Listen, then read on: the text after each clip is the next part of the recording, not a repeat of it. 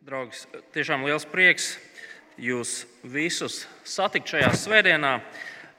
Bija iespēja iepriekšējās divas dienas būt konferencē, sludinātāju konferencē, kur ciemojās arī daudziem no mums, varbūt pazīstamais Andrijs Sačs no Londonas, mācītājs Andrijs Sačs. Viņš sūta arī jums, šīs draudzes ģimenei, sirsnīgus sveicienus. Šajā dienā mēs turpināsim mūsu pārdomas no 1. Jāņa vēstules. Tādēļ es aicinu, ka mēs varētu atvērt 1. Jāņa vēstuli. Mēs lasīsim no otras nodaļas. Tie, kas nezina, kur šī vēstule atrodas, tur atrast 1245. lapusē. Un mēs lasīsim no otras nodaļas pavisam īsu raksturvietiņu no 12. līdz 17. pantam. Otrā nodaļa, sākot ar 12. pantu. Es rakstu jums, bērniņi, lai viņa vārda dēļ grēki jums ir piedoti. Jo viņa vārda dēļ grēki jums ir piedoti. Es rakstu jums, tēvi, jo jūs esat atzinuši to, kas ir no iesākuma. Es rakstu jums, jaunekļi, jo jūs esat uzvarējuši ļaunu. Es jums esmu rakstījis, bērni, jo jūs esat tēvu atzinuši. Es jums esmu rakstījis tēvi, jo jūs esat atzinuši to, kas ir no iesākuma. Es jums esmu rakstījis jaunekļi, jo jūs esat stipri, un Dieva vārds paliek jūsos, un ļauno jūs esat uzvarējuši. Nemīliet pasauli, nec to, kas pasaulē. Ja kas pasauli mīl, tajā nav tēva mīlestības. Jo viss, kas ir pasaulē, miesas kārība, acu kārība un dzīves lepnība, Tas nav no tēva, bet ir no pasaules. Un pasaule paiet, un viņas kārība, bet kas dara dievu gribu, paliek mūžīgi.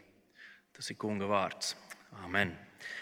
Lūksim, un tad arī nedaudz padomāsim par šiem pantiem. Debes Tēvs, mēs Tev pateicamies par iespēju sapulcēties, lai klausītos tajā, ko Tu caur savu vārdu saki savai draudzēji arī šodien. Mēs lūdzam, lai šajā pēcpusdienā mūsu prāts un mūsu sirds spētu, ne tikai spētu, bet arī gribētu tavu vārdu saprast un pieņemt. Palīdz, ka mēs būtu ne tikai tavu vārdu klausītāji, bet arī darītāji. Kunga Jēzus Kristus vārdā. Amen. Cilvēkus var iedalīt divās lielās kategorijās, divās lielās grupās. Pie vienas grupas piederētu tie cilvēki, kas kuri pie ārsta skrien pie vismazākās um, temperatūras. Viņš vienreiz nošķaudās, un viņš skrien taisīt covid testu un, un veikt pilnu asins ainu, un ko tik vēl ne. Un tad ir tā otra kategorija. Tie ir tie cilvēki, kurus ar varu radinieki aizved pie ārsta, jo šis cilvēks ir tik tālu nodzīvojis, ka viņš pats vairs nevar nekur aizbraukt. Protams, es pieņemu, ka jūs dzirdat manā tonī nelielu ironiju. Un šie, šie, šīs divas grupas ir, ir radikāli pretpoli. Lielākā daļa, es pieņemu, šeit klātesošo cilvēku atrodas tiem pretpoliem kaut kur pa vidu. Šie divi pretpoli, šķaudītāji un ignorētāji, tās pozīcijas nav veselīgas, pareizi. Tās abas ir savām kaitēm un problēmām. Mēs visi par kaut ko satraucamies, mēs visi par kaut ko raizējamies, bet es pieņemu, ka ne visi no mums ignorē kādas lietas, un ne visi no mums skrien pie ārsta pie mazākajiem slimības simptomiem. Draugi, arī kristiešus mēs varētu iedalīt divās lielās grupās. Vieniem kristiešiem sirdsapziņa ir tik jūtīga, ka pie vismazākā grēka šis cilvēks sāk sev bērt uz galvas pelnus un teikt, ak, es esmu pazudis. Es esmu milzīgs grēcinieks, kurš visticamāk tagad dodas uz elli. Un tad būs tādi kristieši, kuri būs ciets kā krams. Tā būtu viņa reakcija uz jebko, ko viņi savā dzīvē dara vai nedara. Un arī šeit es nedaudz pārspīlēju, bet es gribu iezīmēt šos divus pretpolus kur mēs varam atrasties. Un skaidrs, ka mēs kā kristieši atrodamies kaut kur tam visam par vidu. Būs situācijas, kurās mēs ļoti jūtīgi uztversim savu grēku, bet būs reizes, kurās mēs izturēsimies ļoti cieti. Un arī šajā gadījumā, līdzīgi kā ar šīm uh, fiziskajām slimībām, šie pretpoli nav veselīgas vietas. Tie nav, tās nav labas vietas, kur būt. Tad nu šodien es aicinu, ka mēs varētu nedaudz parunāt par šo veselību, par garīgo veselību. Jo redziet, Jānis raksta kristiešiem, kuriem ļoti iespējams bija nosliece vairāk uz šo satraukšanos, uztraukšanos, rūpēm un raizēm, nedrošību, nepārliecinātību. Un visu situāciju sarežģīja fakts, ka no viņu vidus, no viņu draudzes bija izgājuši kādi spējīgi cilvēki, kādi iespējams skoloti, tādi, kas māca runāt un runā pārliecināti. Viņi bija aizgājuši prom no draudzes, un ne tikai vienkārši aizgāja projām, bet visu laiku runāja ar tiem policējiem. Un šie policēji varēja sākt uzdot jautājumus, kāpēc viņi aizgāja no mums. Varbūt tiešām ar mums kaut kas nav kārtībā. Varbūt arī mums ir jāiet kopā ar viņiem. Un Jānis šai nedaudz satrauktajai draudzēji vai draudzes daļai raksta ar mērķi stiprināt viņus un drošināt. Arī šīs dienas raksturvietā Jānis ļoti skaidri un gaiši, veselas sešas reizes kristiešiem saka, ar jums viss ir kārtībā. Es jums rakstu, tāpēc ka ar jums viss ir kārtībā.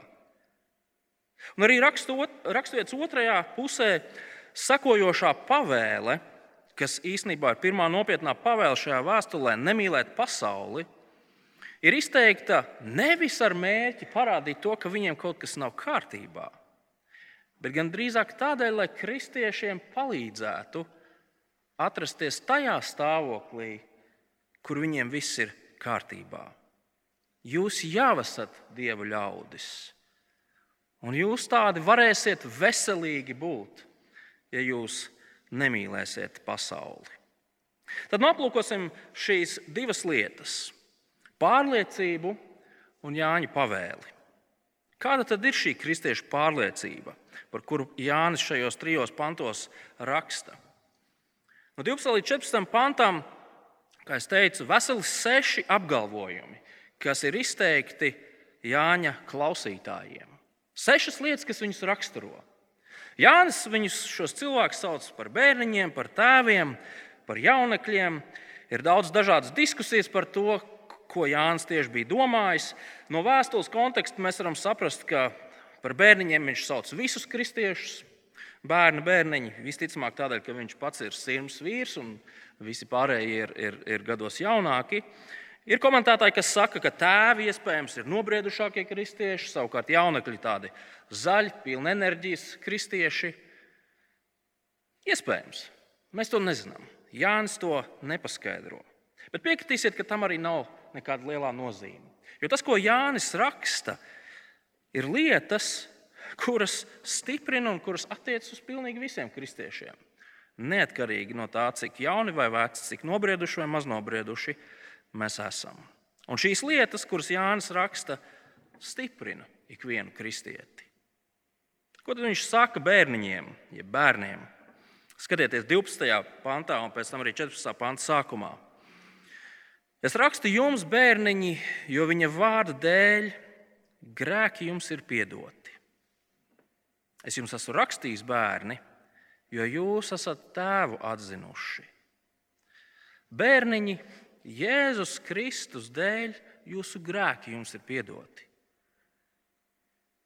Tie jūs vairs nešķir no Dieva, tie jūs vairs neapsūdz. Tagad jūs pazīstat tēvu.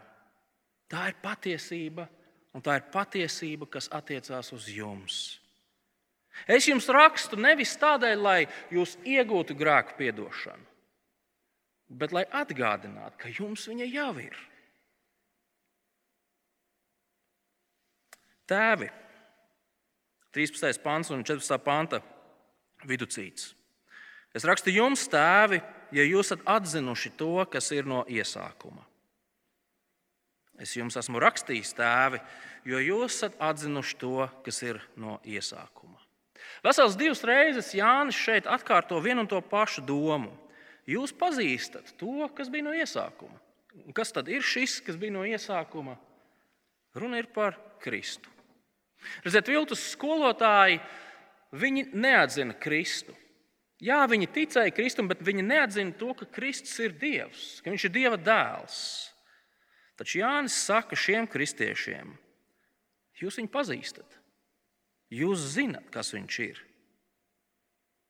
Pazīt viņu nozīmē būt sadraudzībā, būt reālās attiecībās ar viņu. Tēvs, es jums rakstu nevis lai pastāstītu par Jēzu, nu, tā teikt, lai jūs viņu iepazītu, bet es jums rakstu tādēļ, lai pateiktu, ka jūs taču viņu pazīstat. Jūs viņu pazīstat. Visbeidzot, jaunekļi, 13. pāns un 14. pānta nobeigums.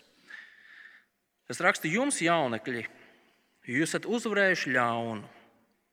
Es jums esmu rakstījis, jaunekļi, jo jūs esat stipri un Dieva vārds paliek jūsos, un ļauno jūs esat uzvarējuši. Jaunekļi, jūs esat uzvarējuši ļauno. Un jūs to esat izdarījuši tādēļ, ka Dieva vārds ir jūsos. Kas ir šis ļaunais? Te nav runa par kaut kādām problēmām un kaitēm, te ir runa par vēlnu. Vēlns ir šis ļaunais. Un ko vēlns dara? Vēlns sēž melus. Viņš tiek saukts par melu tēvu. Viņa specialitāte ir teikt nepatiesību. Nepatiesība par Dievu, nepatiesība par pasauli, nepatiesība par kristiešiem. Un viņš ar mēlu palīdzību cenšas sagraut visu, ko Dievs rada, ko Dievs ceļ. Un šo sagraušanas darbu Dievs, es atvainojos, Vēlns cenšas izdarīt arī kristiešu dzīvē. Viņš turpina kristiešu dzīvē teikt melus par Dievu. Dievs nav labs, Dievs nav varants, Dievs nav gudrs, Dievs netiesās, Dievs nav taisnīgs. Un tāpat vēlams turpina teikt melus par kristiešiem. Tu neesi glābts, kaut kas vēl pietrūkst. Kristus par tevi nenomira. Ne jau tādu kā tu. Dievs tevi nemīl. Ir ja tīpaši pēc tā, ko tu izdarīji vakardien. Mārtiņš Luters savulaik šajā sakarā teica sekojošo citāts: Vēlna vara, viņa spēks ir nāve, grēks un apgrūtināta sirdsapziņa. Ar šīm trim lietām viņš valda. Bet jaunekļa uzvara ir šī. Nevis tas, ka viņš vairs nejutīs grēku, sirdsapziņas pārmetumus vai bailes no nāves, bet gan tas, ka šie ienaidnieki ir uzvarēti, jo Kristus ir daudz lielāks par tiem visiem. Kā kristietis stājas pretī ļaunajam, kā viņš uzveic vēlna darbu, paliekot Dieva vārda patiesībā. Atcerieties, Pāvils, noslēdzot vēstuli Efeziešiem, kristiešiem rakstīs: stāviet stingri, stāviet stipri, kā bruņojušies ar visiem dievu ieročiem. Un visi dievu ieroči ir Dieva vārda patiesība, evaņģēlīja vēsts. Jaunekļi, jūs zinat labāk. Neklausieties vēlnā. Viņš melo. Un jūs to zinat, ka viņš melo. Jūs zinat patiesību. Šie ir ļoti iedrošinoši vārdi, ja mēs par tiem kādu brīdi pasēžam un padomājam. Mūsu grēki jau ir piedoti. Mēs pazīstam Kristu un viņa tēvu. Mēs esam uzvarējuši ļauno. Lielais jautājums ir, vai mēs esam pārliecināti par šo patiesību? Tas ir tas, ko Dieva vārds saka. Bet lielais jautājums ir, vai mēs esam pārliecināti par to? Vai mēs šos vārdus attiecinām uz sevi?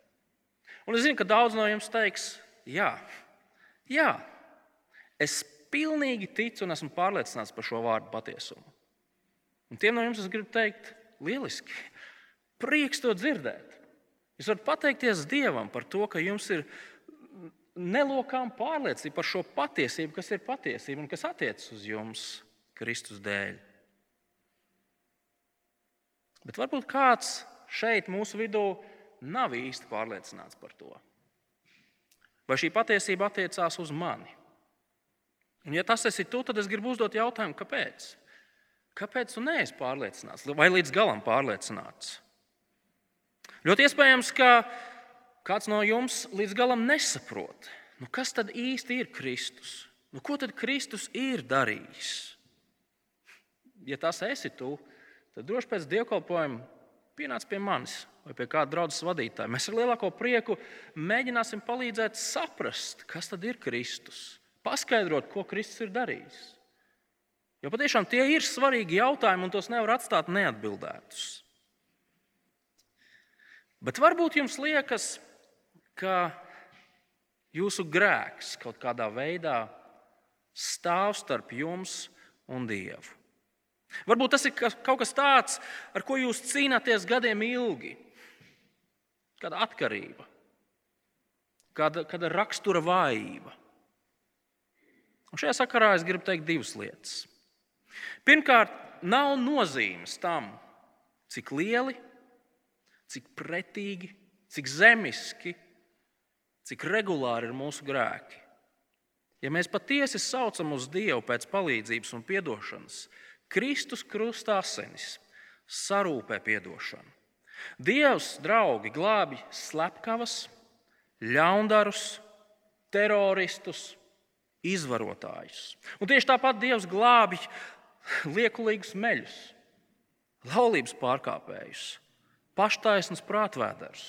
Dievs glābi pilnīgi visus kas sauc pēc glābšanas, kas meklē atdošanu pie viņa. Kristus žēlastības darbs dāvā atdošanu par visiem grēkiem. Nav neviena grēka, kuru Dievs nepiedod cilvēkam, kurš meklē atdošanu.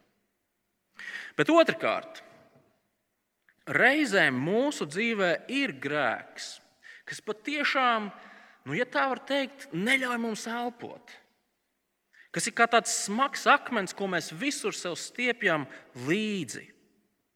Reizēm mēs savu grēka dēļ patiešām nejūtamies tā, it kā mēs varētu doties pie Dieva. Vēl trakāk, mēs nejūtamies tā, it kā mēs vispār varētu būt kopā ar citiem kristiešiem. Mums ir kauns. Mēs negribam. Mēs ticam Kristum, bet tas grēka smagums mūs kaut kā ļoti, ļoti nospiež. Draugi, ja tas raksturo jūs, tad Jānis otrās nodaļas sākumā jūs mudina atzīstieties savos grēkos. Atzīstieties un dariet to ar pilnu paļāvību, ka Dievs jums piedos. Nav neviena grēka, ko Dievs nevarētu piedot. Un otrkārt, ja jūs cīnāties ar kādu ieradumu grēku vai kaut ko tādu, ar ko jūs netiekat paši galā, parunājiet ar kādu uzticamu, nobriedušu brāli vai māsu. Reizēm tieši šāds atbalsta plecs ir, ir tas, kas mums ir vajadzīgs, lai mēs iegūtu pārliecību par to, ka mums ir atdošana. Brāļu un māsu atbalsts bieži vien ir tas, kas mums palīdz ceļā uz šādu brīvību no mūsu grēka nastas. Tātad kopā, kopsavilkot to visu, Jānis raksta, lai atgādinātu kaut ko ļoti vienkāršu, bet ārkārtīgi svarīgu. Ja mēs paļaujamies uz Kristu un turamies pie Viņa vārda, mēs esam sadraudzībā ar viņu, mēs viņu pazīstam, mēs esam viņa draugi. Mēs par to, par to varam būt absolūti pārliecināti. Un tas nozīmē, ka cilvēkiem, kuri mums saka, Klau, draugs, tev kaut ko vēl vajag. Vai, klau, draugs, es nezinu, vai tā tava ticība ir tāda īsta. Tiem cilvēkiem mēs varam teikt, pietiek. Pietiek. Nesak man to. Tā nav patiesība. Tas nozīmē to, ka mēs savai bailīgajai sirdsapziņai mēs viņu varam mierināt un teikt, tiem, kas ir Kristū, vairs nav nekādas pazudināšanas. Es esmu attaisnots Kristus asinīs. Es esmu glābts, es esmu brīvs no vainas, es esmu brīvs no grēka varas. Es esmu brīvs no visām cilvēku un vēlnu apsūdzībām. Un Kristus un viņa darba dēļ par to var būt simtprocentīgi pārliecināts. Man pārliecība slēpjas nevis tajā, ko es par sevi domāju, bet tajā, ko Dievs par mani saka. Sešas lietas, kuras katrs kristietis zina. Sešas lietas, par kurām katrs kristietis var būt tik pārliecināts, kā cik viens cilvēks var par kaut ko būt pārliecināts. Patiesības, kas raksturo ikvienu cilvēku, kurš tveras pie Kristus. Bet tad seko pavēle. Un domājot par šo pavēli, paturēsim prātā visu to, ko Jānis teica. Nu, pat, ne? No 12. līdz 14. pantam. Bet 15, no 15. līdz 17. pantam mēs redzam šo pavēli. Un pavēles skan šādi: 15. pāns - nemīliet pasauli, nec to, kas pasaulē. Ja kas pasauli mīl, tajā nav tēva mīlestība. Jānis šajā brīdī izmanto tā pavisam īsi laulības attiecību valodu. Mēs to, mēs to redzam. Mīlēt Dievu un vienlaikus nodoties sakariem ar pasauli būtu tas pats, kas būtu precētam cilvēkam un vienlaikus uzturēt mīļāko.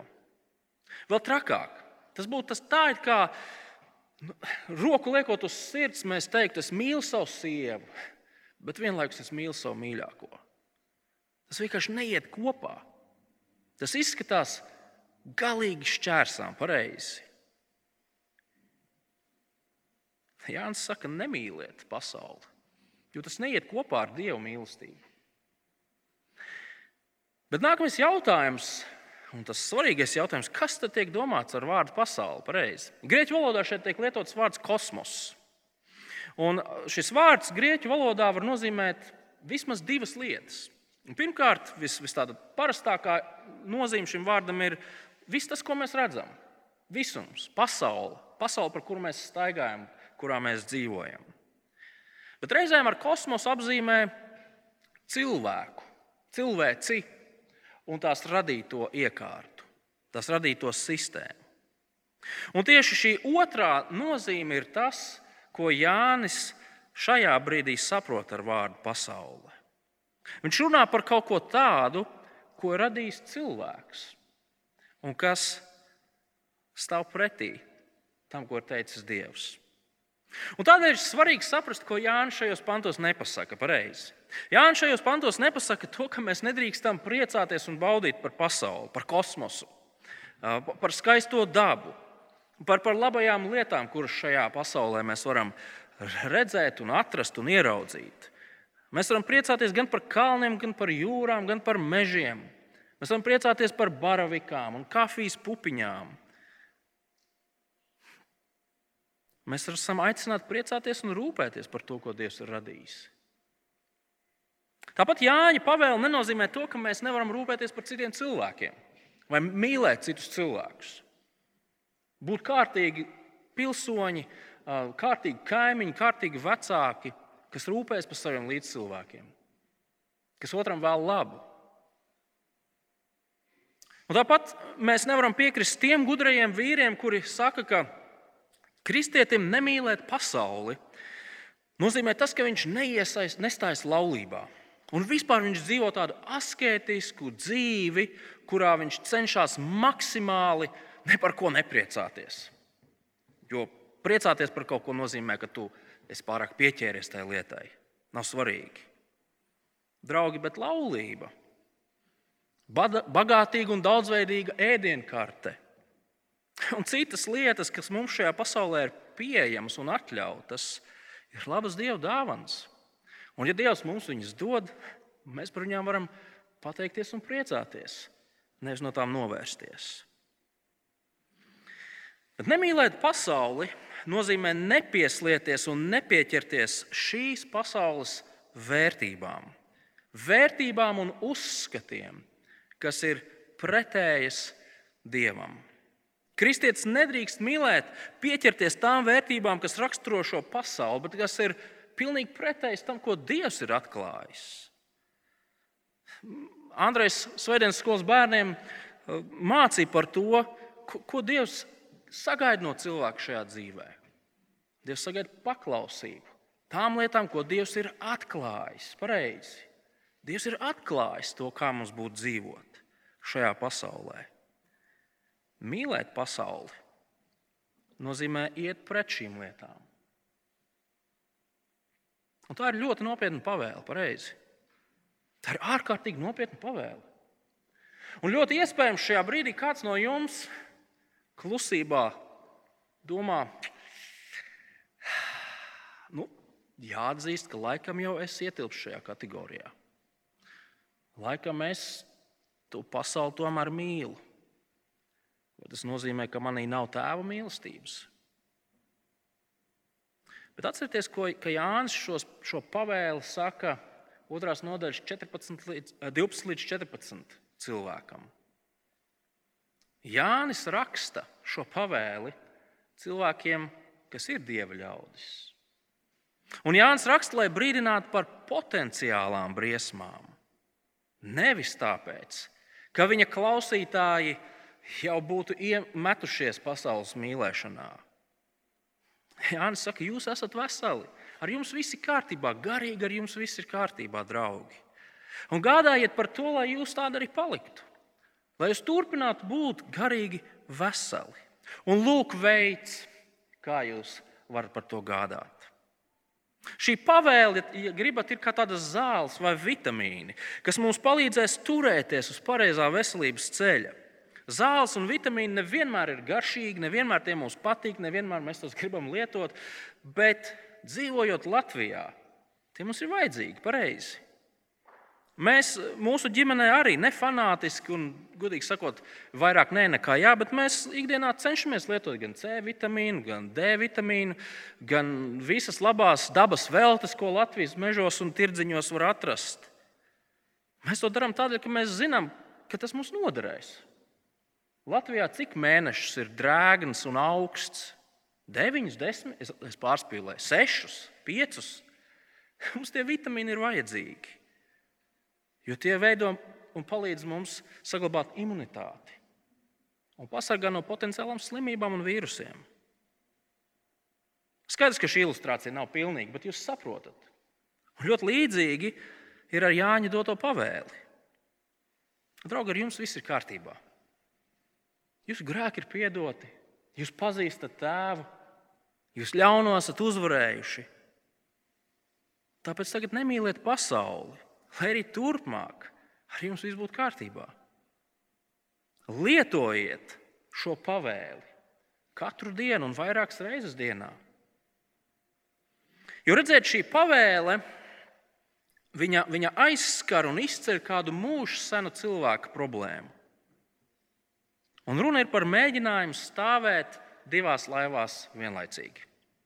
Runa ir par mēģinājumu kalpot diviem kungiem vienlaicīgi.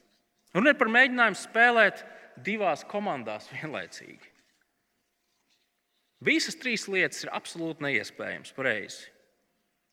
Redziet, mēs vēlamies kalpot un paklausīt Dievam. Taču reizēm, reizēm mēs izjūtam tādu spēcīgu vilkli un kārdinājumu, paralēli iegūt arī visu to, ko pasaule piedāvā. Mums nav nekāda problēma publiski norobežoties no, no tādiem viltus skolotājiem kā Juris Rubens, Ričards Rors un daudziem citiem, kas skaidri un gaiši runā pret to, ko māca Dievs savā vārdā. Taču tā cīņa un problēma slēpjas kaut kur daudz dziļāk. Tā problēma slēpjas mūsu sirdī mūsu domāšanā, mūsu prātā. Kas tad īsti ir tas bīstamais? Bīstamais ir mūsu kārības. Lietas, kuras mēs gribam, skatieties, kā, ko Jānis saka, jo viss, kas ir pasaulē, miesas kārība, acu kārība un dzīves lepnība. Problēma ir mūsu alkas un ilgas pēc lietām, pēc kurām kāro arī tie cilvēki, kas ir dievienaidnieki. Problēma ir tas, ka mēs pēc šīm lietām kārojam nepareizo iemeslu dēļ, ar nepareizo motivāciju. Mēs tās vēlamies tik ļoti, ka esam gatavi tās iegūt, ja ne ar visiem līdzekļiem, tad vismaz ar apšaubāmiem līdzekļiem.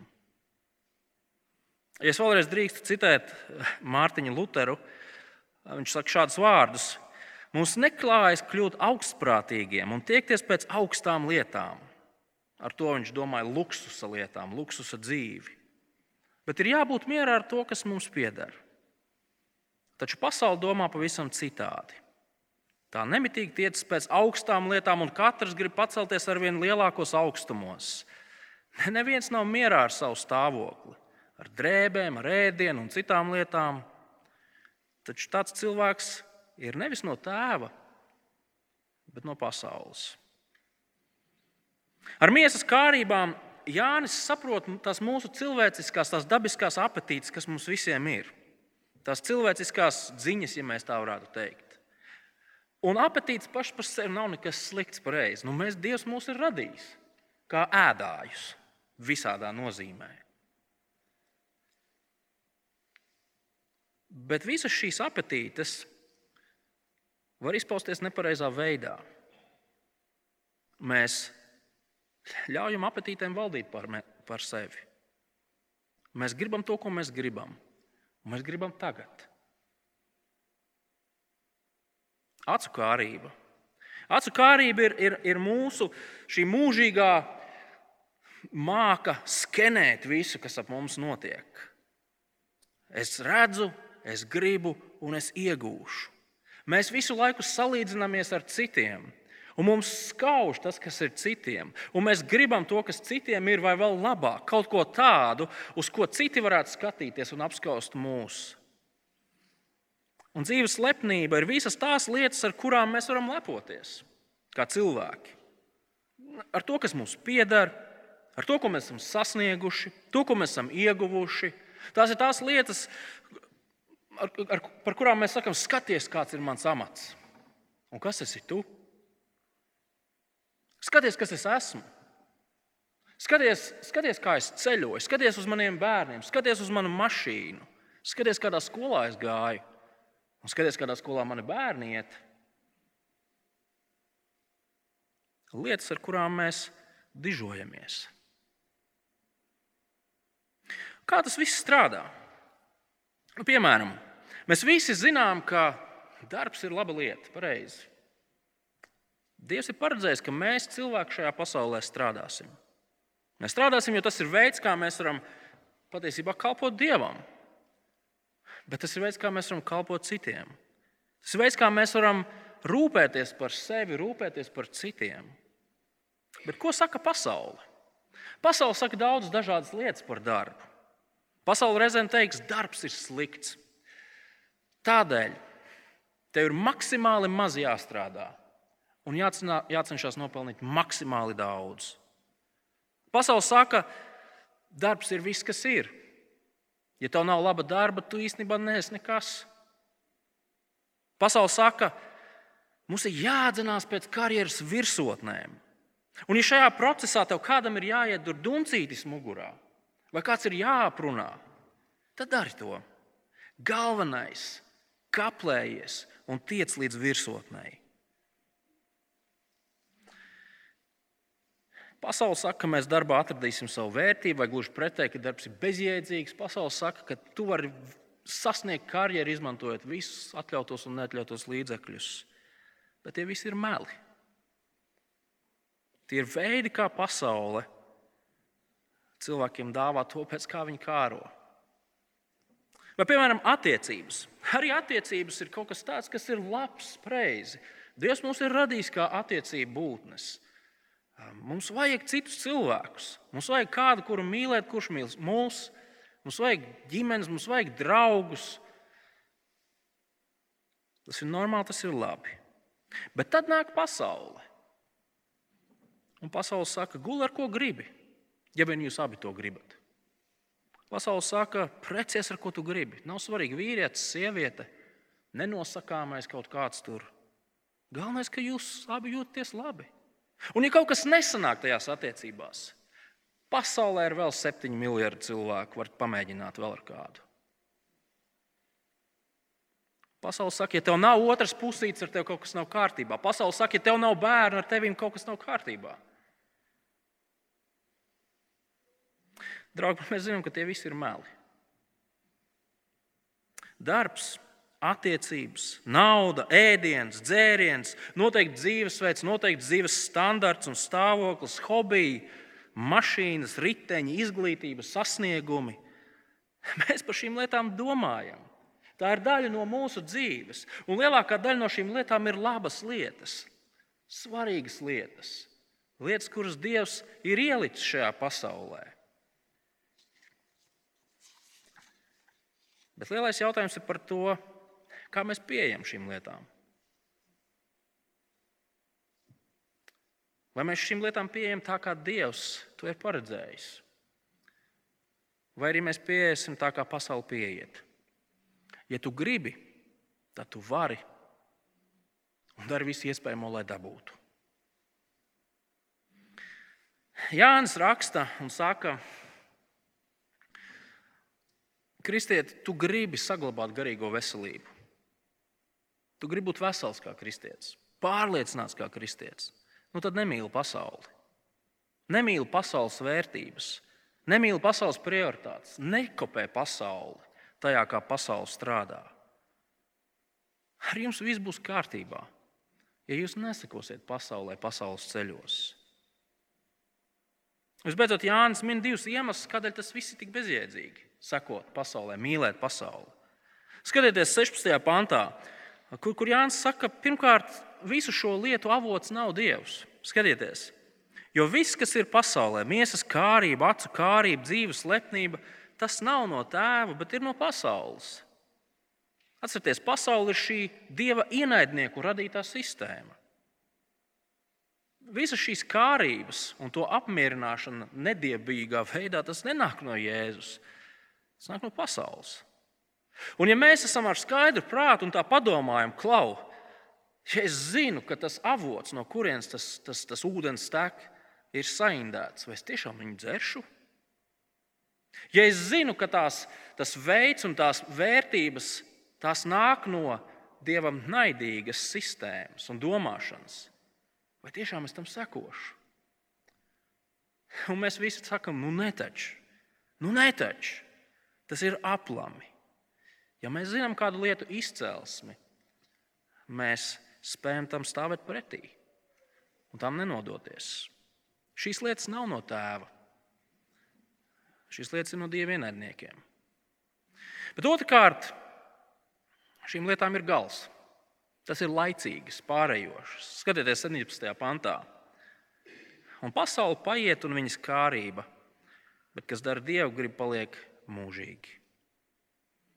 Padomājiet, cik ilgi mums šajā pasaulē ir lemts baudīt tās labās lietas - darbu, laulību, um, bērnus, ceļošanu, visu pārējo. 20, 40, 80 gadus. Cik ilgi ilgst mūžība?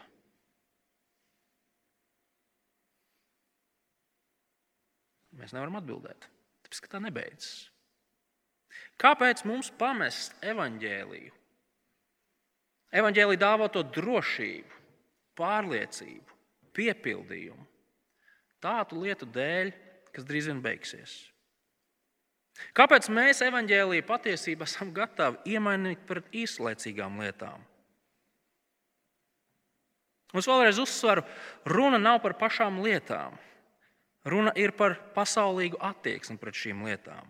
Runa ir par pasaulīgiem līdzekļiem, ar kuriem mēs pēc šīm lietām dzenamies. Vai tiešām mēs gribam aizsviest evaņģēlīju drošību? pārējošu, īslaicīgu lietu dēļ.